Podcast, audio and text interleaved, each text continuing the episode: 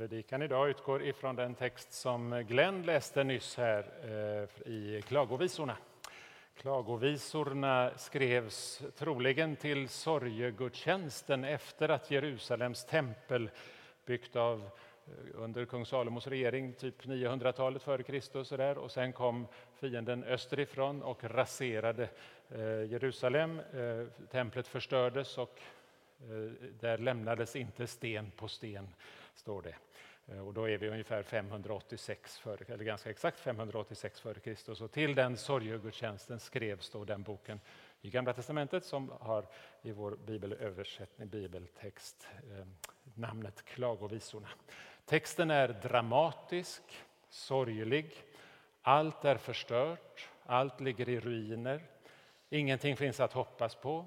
I tredje kapitlet är det becksvart. Också det lilla hopp som fanns i författarens tankar är förintade. Det står jag tänkte, nu orkar jag inte mer, jag hoppas inte längre på Herren. Ungefär som nyårskrönikorna för 2022 sammanfattar det mörka året. Allt är ruiner. Finns det något hopp alls, alls för världen? Eh, ett av akademins nyord som ni har stött på är ordet permakris. Är det så att det ständigt är kris i världen? Direkt när vi trodde att pandemin var över så började eh, Rysslands invasion i Ukraina. Eh, är det sant?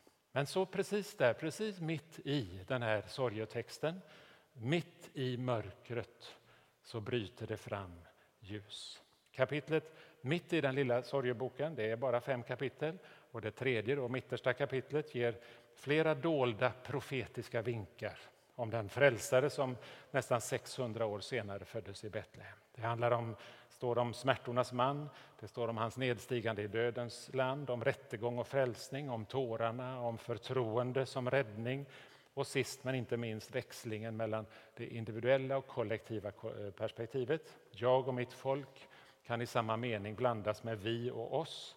Smärtornas man som steg ner i döden och uppstår för att rädda sitt folk går där ensam men så drar han i räddningen med sig hela sitt folk så nära och identifierande så att folket kan säga att han är i oss. Hans räddning är min, jag är i honom, hans krubba är i mitt bröst. Och jag tänkte vi skulle ha fyra, de fyra första meningarna i den här texten. Och vi skulle, eh, då kan man upprepa dem och nästan ta dem som en sån där litet eh, frö som man sår ner i sitt hjärtas åker. Jag säger den först och så upprepar ni.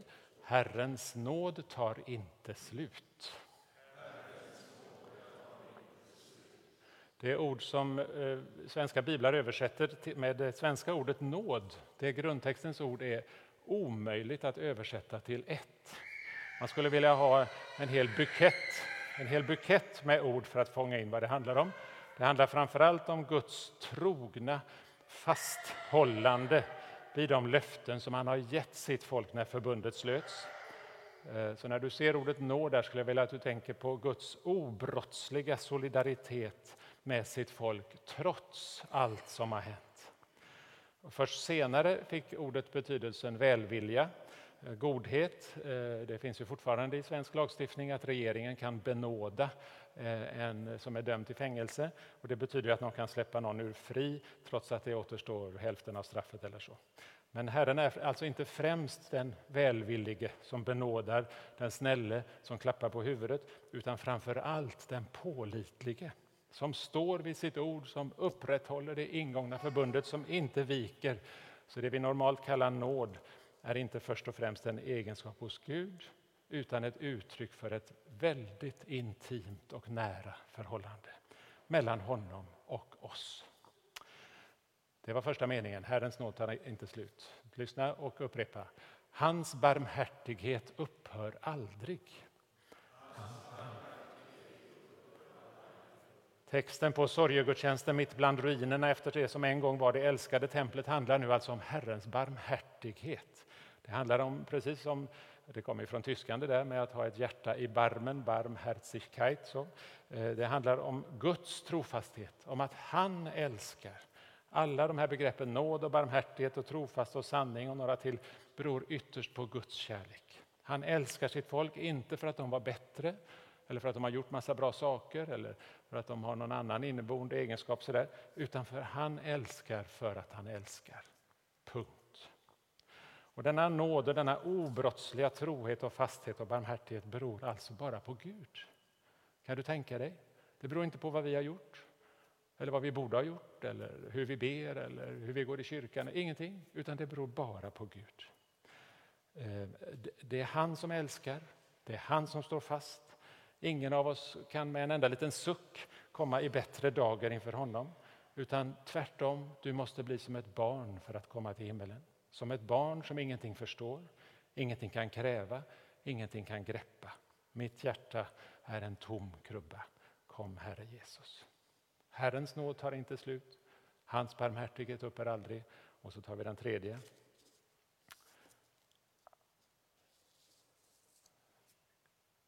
Varje morgon är den ny. Varje morgon är den ny. Man kunde ju bromsat in där och tänkte, men vad betyder nu detta då för oss? Okej okay, att det var då och templet har rasat och ruiner och eländes elände. Så. Men här och nu, 2023, vad betyder det efter det mörka 2022? Finns det någon tröst? Ja, kanske det här skulle jag vilja att du prövar den tanken. Herren står obrottsligt lojal och fast vid sitt förbund. Eh, han gjorde dig till kristen när du döptes. Eh, ingen kan lägga till någonting till det. Ingen kan dra ifrån någonting ifrån det. Eh, han är troget lojal, står obrottsligt fast vid det han har lovat. Allt han har sagt står han för. Allt han har lovat kommer han att infria alldeles oavsett hur vi svarat eller försummat att svara. Eller oavsett hur djävulsk världen har varit eller blivit. Allt beror på Herrens nåd. Att jag får komma tillbaka till honom med två tomma händer, formade som en krubba.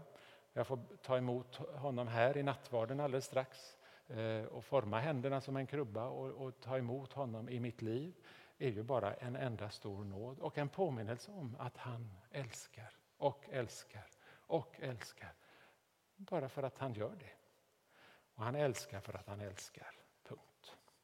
Vi stannar där och sjunger den lilla sången som vi sjöng nyss igen.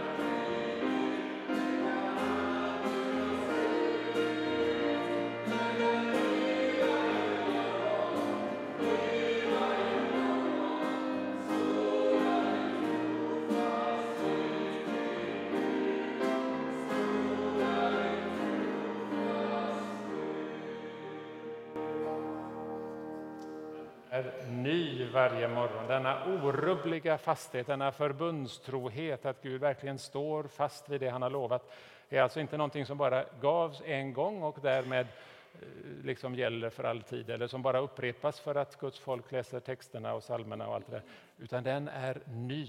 Varje morgon är den ny. Den är varje morgon, också varje år, ny. Alldeles oavsett hur mörk världen är, om jag är på botten av livet själv, krossad bland ruinerna av allt som inte blev som det borde. Om jag står där förundrad över ännu ett år av nåd och bävar för vad det nya året kan innehålla. Herrens nåd är ny varje morgon. Och så tar vi den sista meningen. Upprepa efter mig. Stor är din trofasthet. Ordet för trofasthet i hebreiskan kan också översättas med sanning.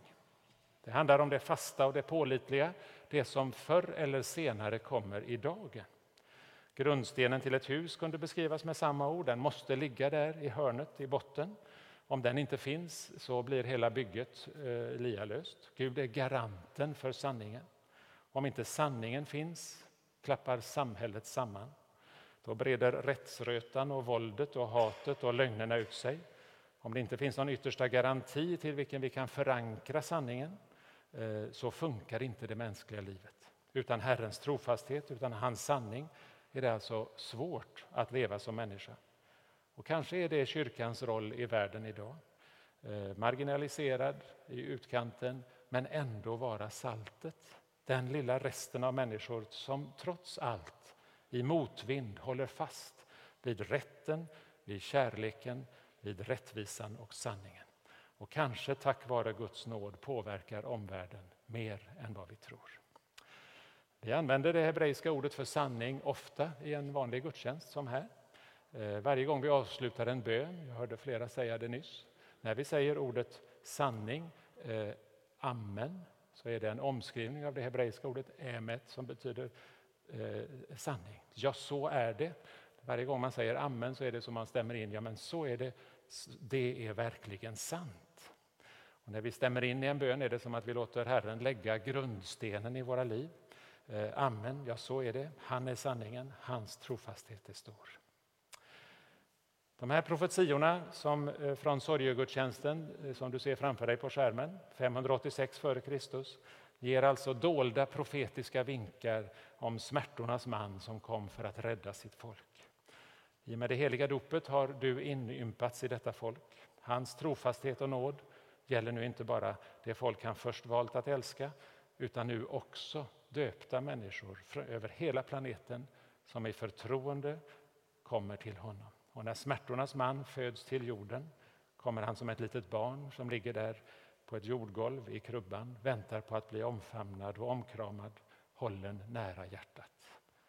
Därför kan du, när du går fram till nattvarden här, eh, när du tar emot Jesus i bröd, under gestalt av bröd och vin, så kan du också ställa, pröva ställa dig en stund framför krubban här framme. Och med dina händer formade som en krubba så kan du väl där nynna en liten sång om Guds trofasta kärlek.